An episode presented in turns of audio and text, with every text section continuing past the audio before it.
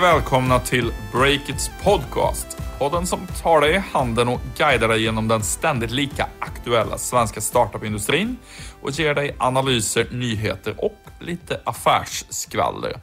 Jag heter Olle Aronsson och jag driver nyhetssajten Breakit tillsammans med dig, Stefan Lundell. Hur är läget? Det är bra, det är bra. Eh, jag ska väl berätta lite grann vad vi ska presentera i det här avsnittet. Vi har ett späckat eh, program som vanligt. Eh, bland annat ska vi berätta om affärsängen Jane Wahlroos okända jätteaffär som helt nyligen blev klar. Och vi har också uppgifter som tyder faktiskt på att det kan vara en styckning på gång i problembarnet Qliro.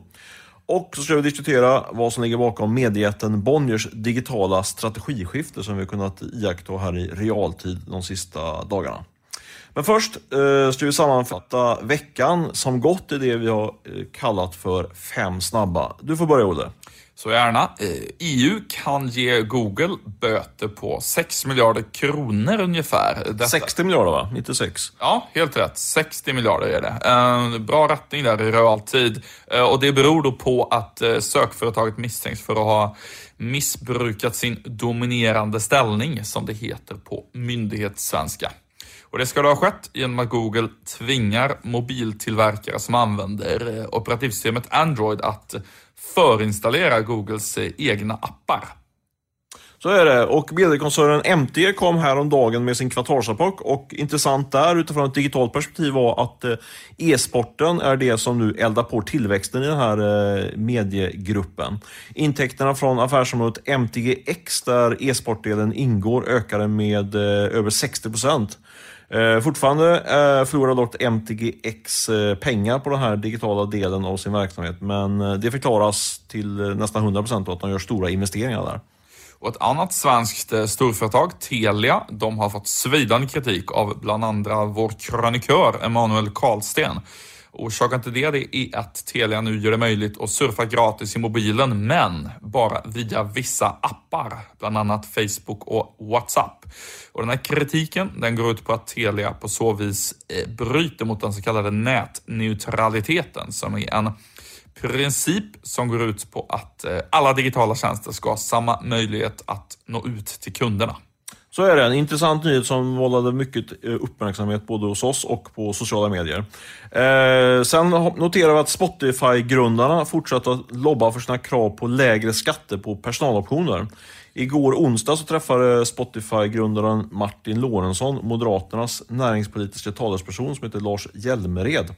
De träffades ungefär under en timme och diskuterade denna frågan. Och på fredag, eh, imorgon, eh, här, utifrån när den här podden spelas in, så har också Stockholms handelskammare bjudit in ett helt gäng med tunga politiker och entreprenörer för att diskutera den här frågan. Dock har huvudpersonerna Martin Lorentzon och Daniel Ek eh, avböjt att medverka. Och till sist, i veckan firades den inofficiella cannabisdagen. Det är 20 april eh, och det uppmärksammades bland annat av just Spotify som twittrade om att musik och cannabisrökning, det går väl bra ihop. Och det ledde till kritik och att tweetsen togs bort.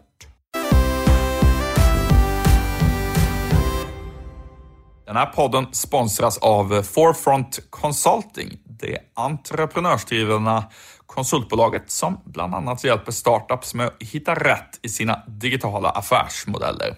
Absolut. En del kanske tycker att det är lite udda att ta in konsulter i en startup, men faktum är att det görs ju hela tiden.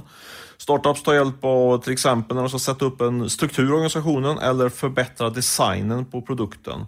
Exempelvis. Sånt som Forefront kan hjälpa till med. Exakt, och även vi på Breakit har ju anlitat konsulter ibland från tid till annan. Så är det och nu när det är högtryck på arbetsmarknaden, i alla fall här i Stockholm, så kan det ju vara ett bra alternativ med en konsult som tillfälligt kliver in som eh, till exempel produktägare i ett nytt projekt. Så att du inte tappar fart i utvecklingen medan du väntar på att rekrytera den här rätta personen. Och om du vill komma i kontakt med någon av Forefronts 200 eh, konsulter så kan du nå dem på mejladressen breakit ffcg.se. Breakit at ffcg.se. Det var bra repeterat. Tack så mycket Forefront för att ni sponsrar Breakits podcast. Då har du, Stefan, grävt fram en riktigt intressant nyhet kring en av eh, den svenska techscenens verkliga tungviktare, får vi säga. Jane Walerud. Det stämmer. Eh, först måste vi presentera Jane lite närmare. Hon eh, drog i början på 2000-talet igång en eh, egen startup som gick under namnet Bluetail som de sålde bara 18 månader senare för en och en halv miljard kronor till en eh, kanadensisk spelare.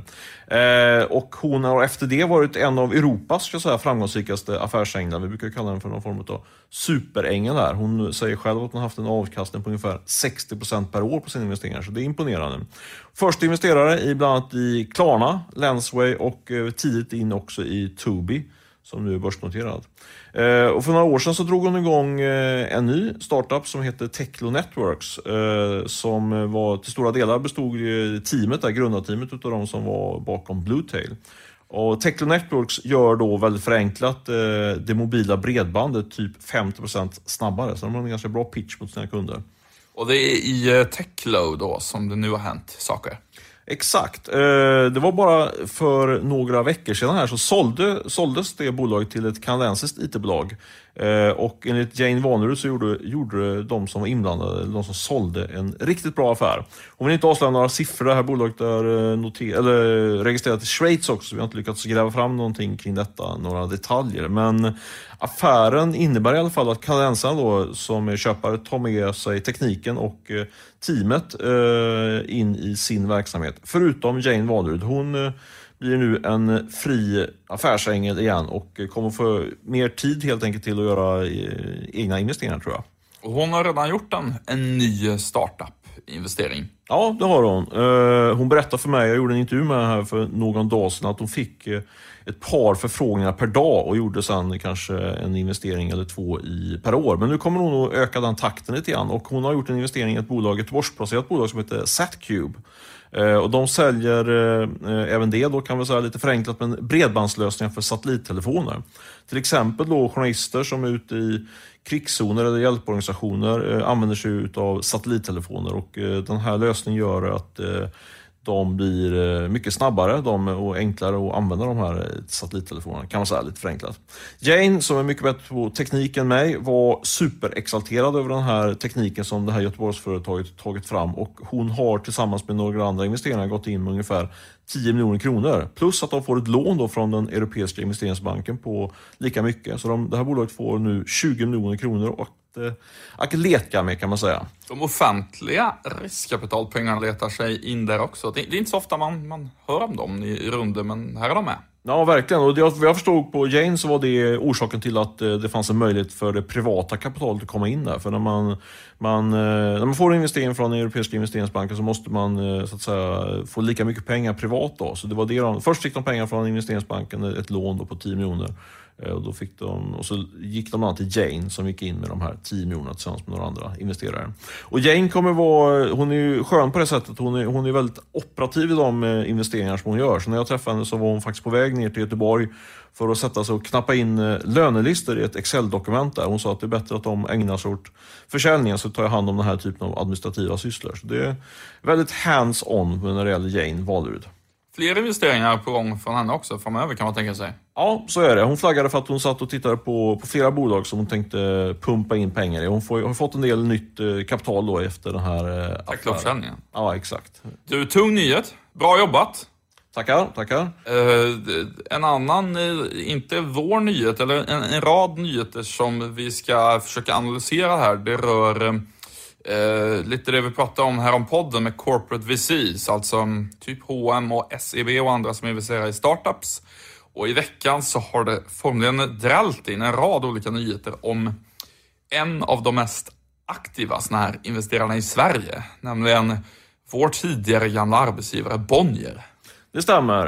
Eh, I veckan avslöjade då Dagens Media, eh, reporten där som ska börja jobba hos oss. Eh, Erik Wisterberg, som snart är det våra scoop, de som han kom med. Exakt, det känns väldigt bra. Han avslöjade att Bonnier skrotar sin streamingtjänst, det som har kallats för en Viaplay-dödare eller utmanare till Netflix.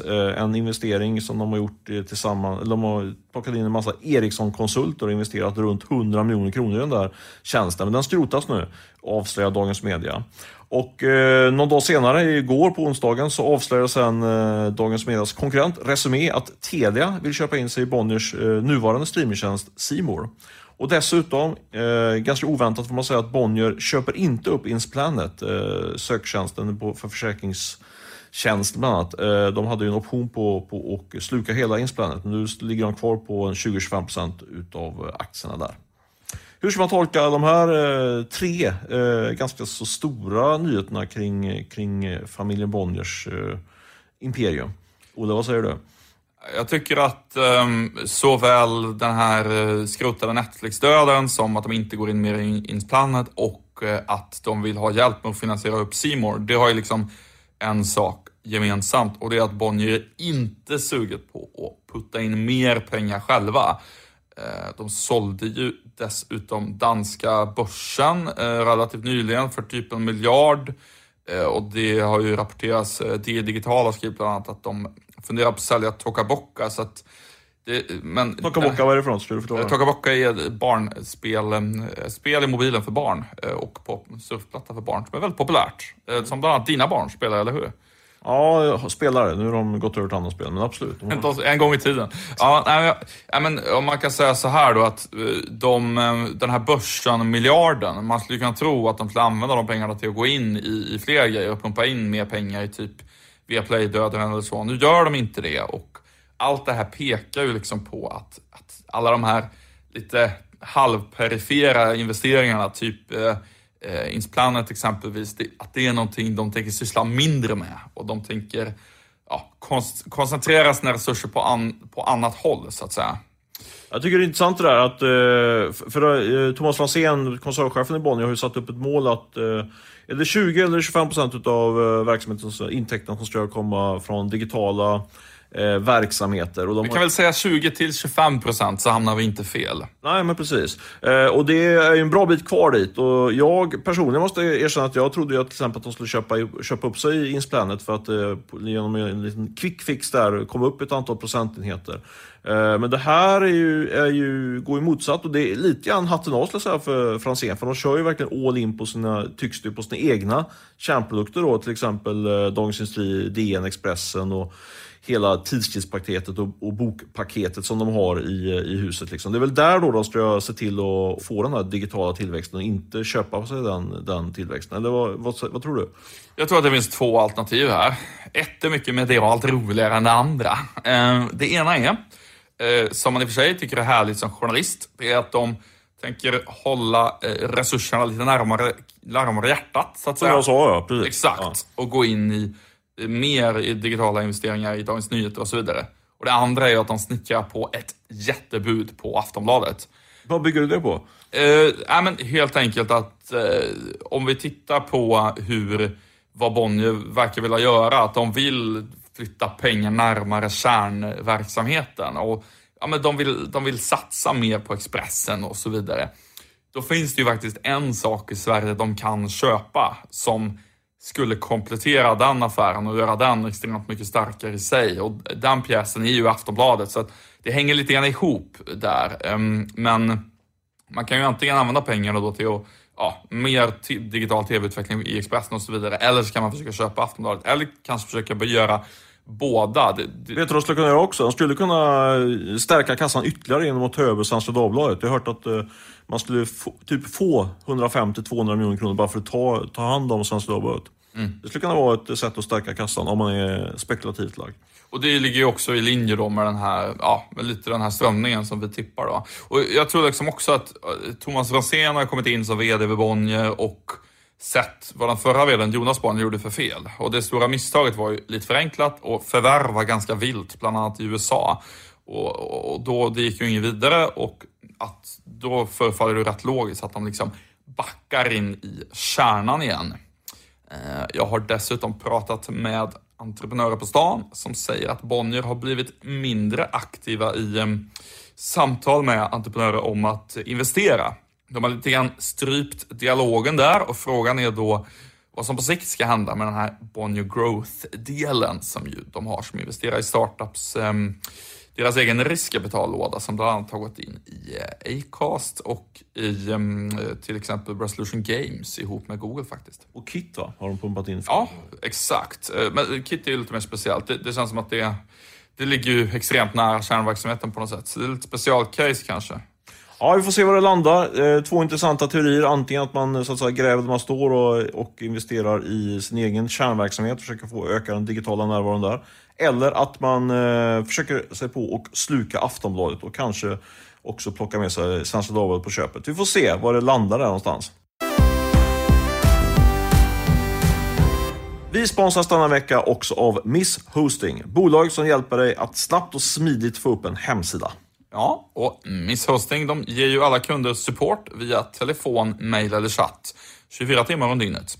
En stabil och bra tjänst helt enkelt. Och jag tycker verkligen att du ska anlita dem nästa gång du behöver hjälp med den här typen av tjänster, till exempel hosting och annat. Eh, anlitar du dem så stöder du faktiskt indirekt oss och den journalistik vi producerar varje dag, året runt. Verkligen. Eh, tack Miss Hosting för att ni är med och sponsrar oss även denna vecka. Nu ska vi prata om ett av Sveriges mest omtalade och högst värderade techbolag, Truecaller. Olle, du har lite nyheter att bjuda på.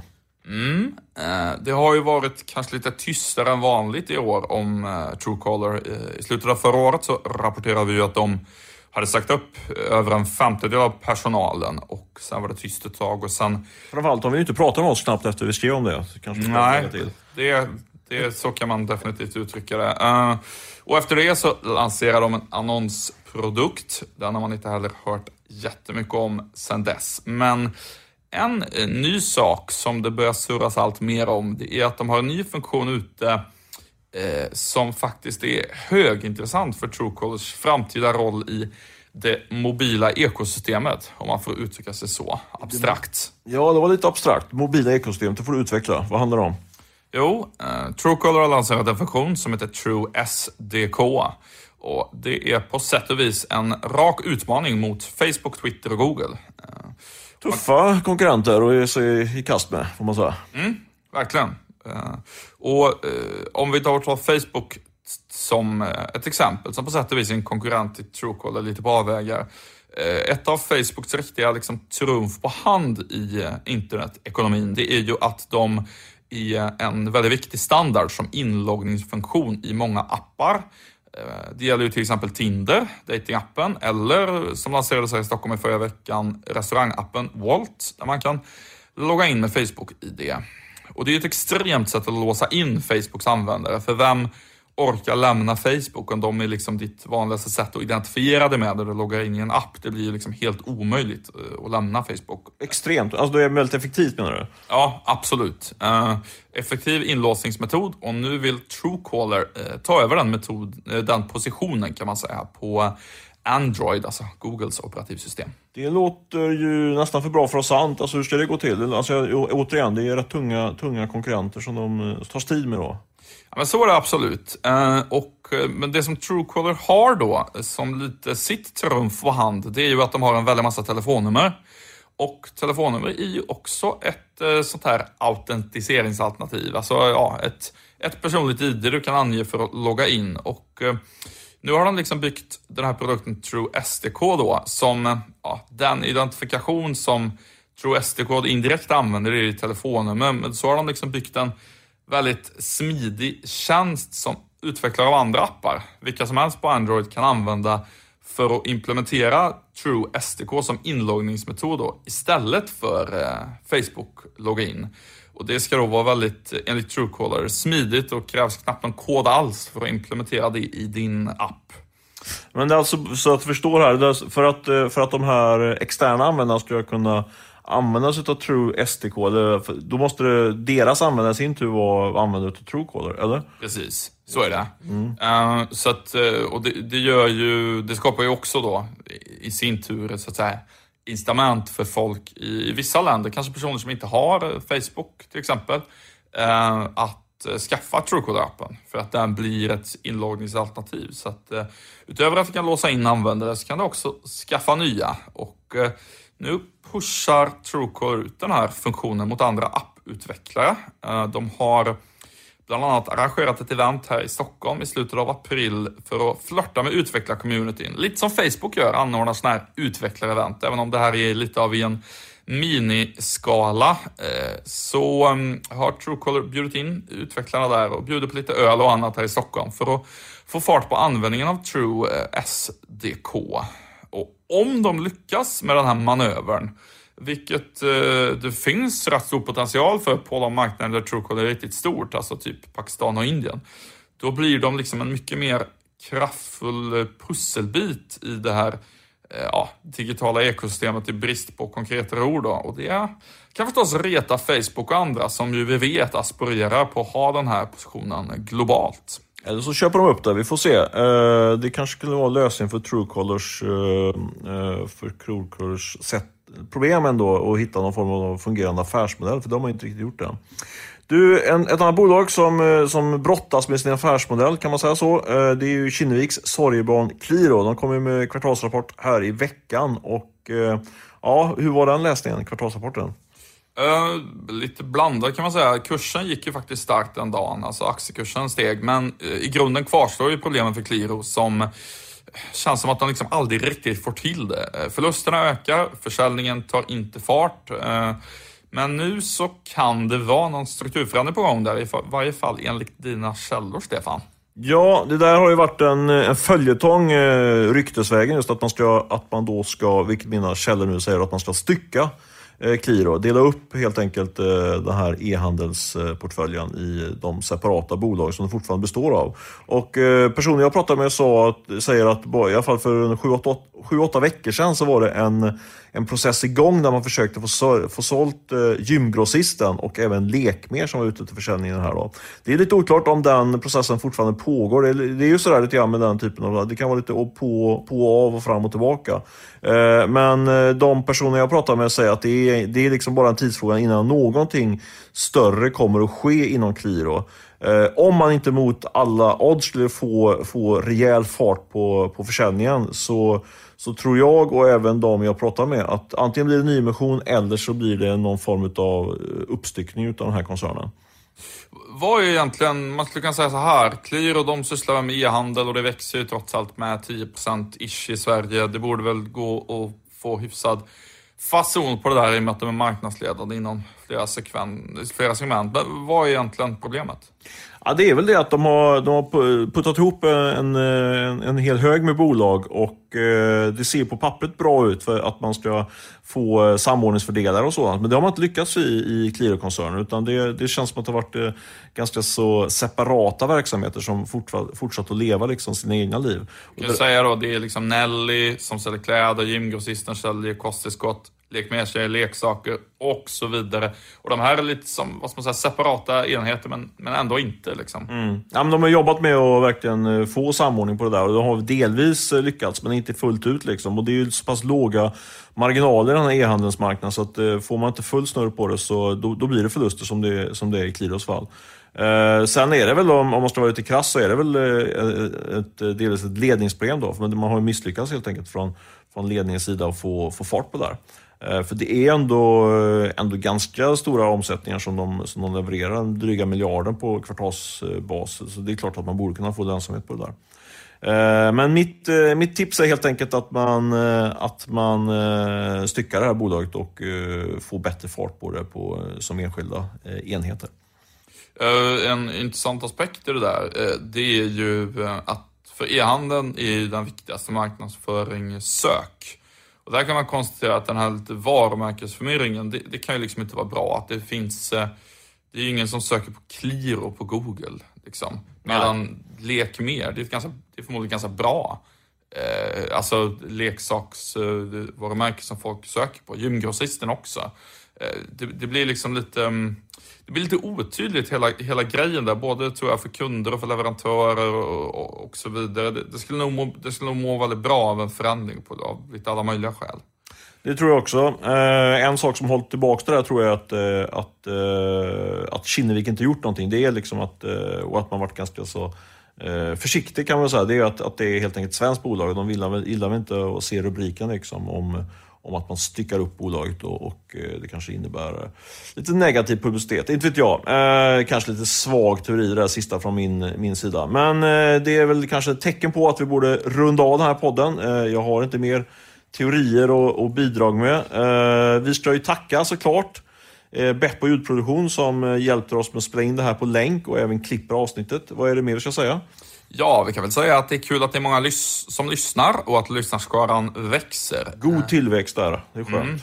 Och ni kan följa oss på Twitter på snabblabbreakit se. Eh, Skriv där några synpunkter eller skriv direkt till mig på att Olle Aronsson eller till dig på att Stefan Lundell har du va? Eh, stämmer. Nej, Jo, det har du. ett Stefan har inte. Stefan... Ja, ja, på Twitter ja. Så helt rätt. Helt rätt. Ja, men exakt. Nu är det verkligen hög tid att sp- så, runda av det här. Jag börjar bli väldigt ofokuserad. Jag ber verkligen om ursäkt för det. Ja, men det är allt, lugnt. allt lika roligt att göra den här podden och jag hoppas att ni lyssnar på oss även nästa vecka. Och framförallt så ska ni såklart in på breaket och surfa runt några timmar varje dag så att eh, ni håller uppdaterade om vad som händer i den digitala världen. Ha det så bra så hörs vi om en vecka. Hej, hej.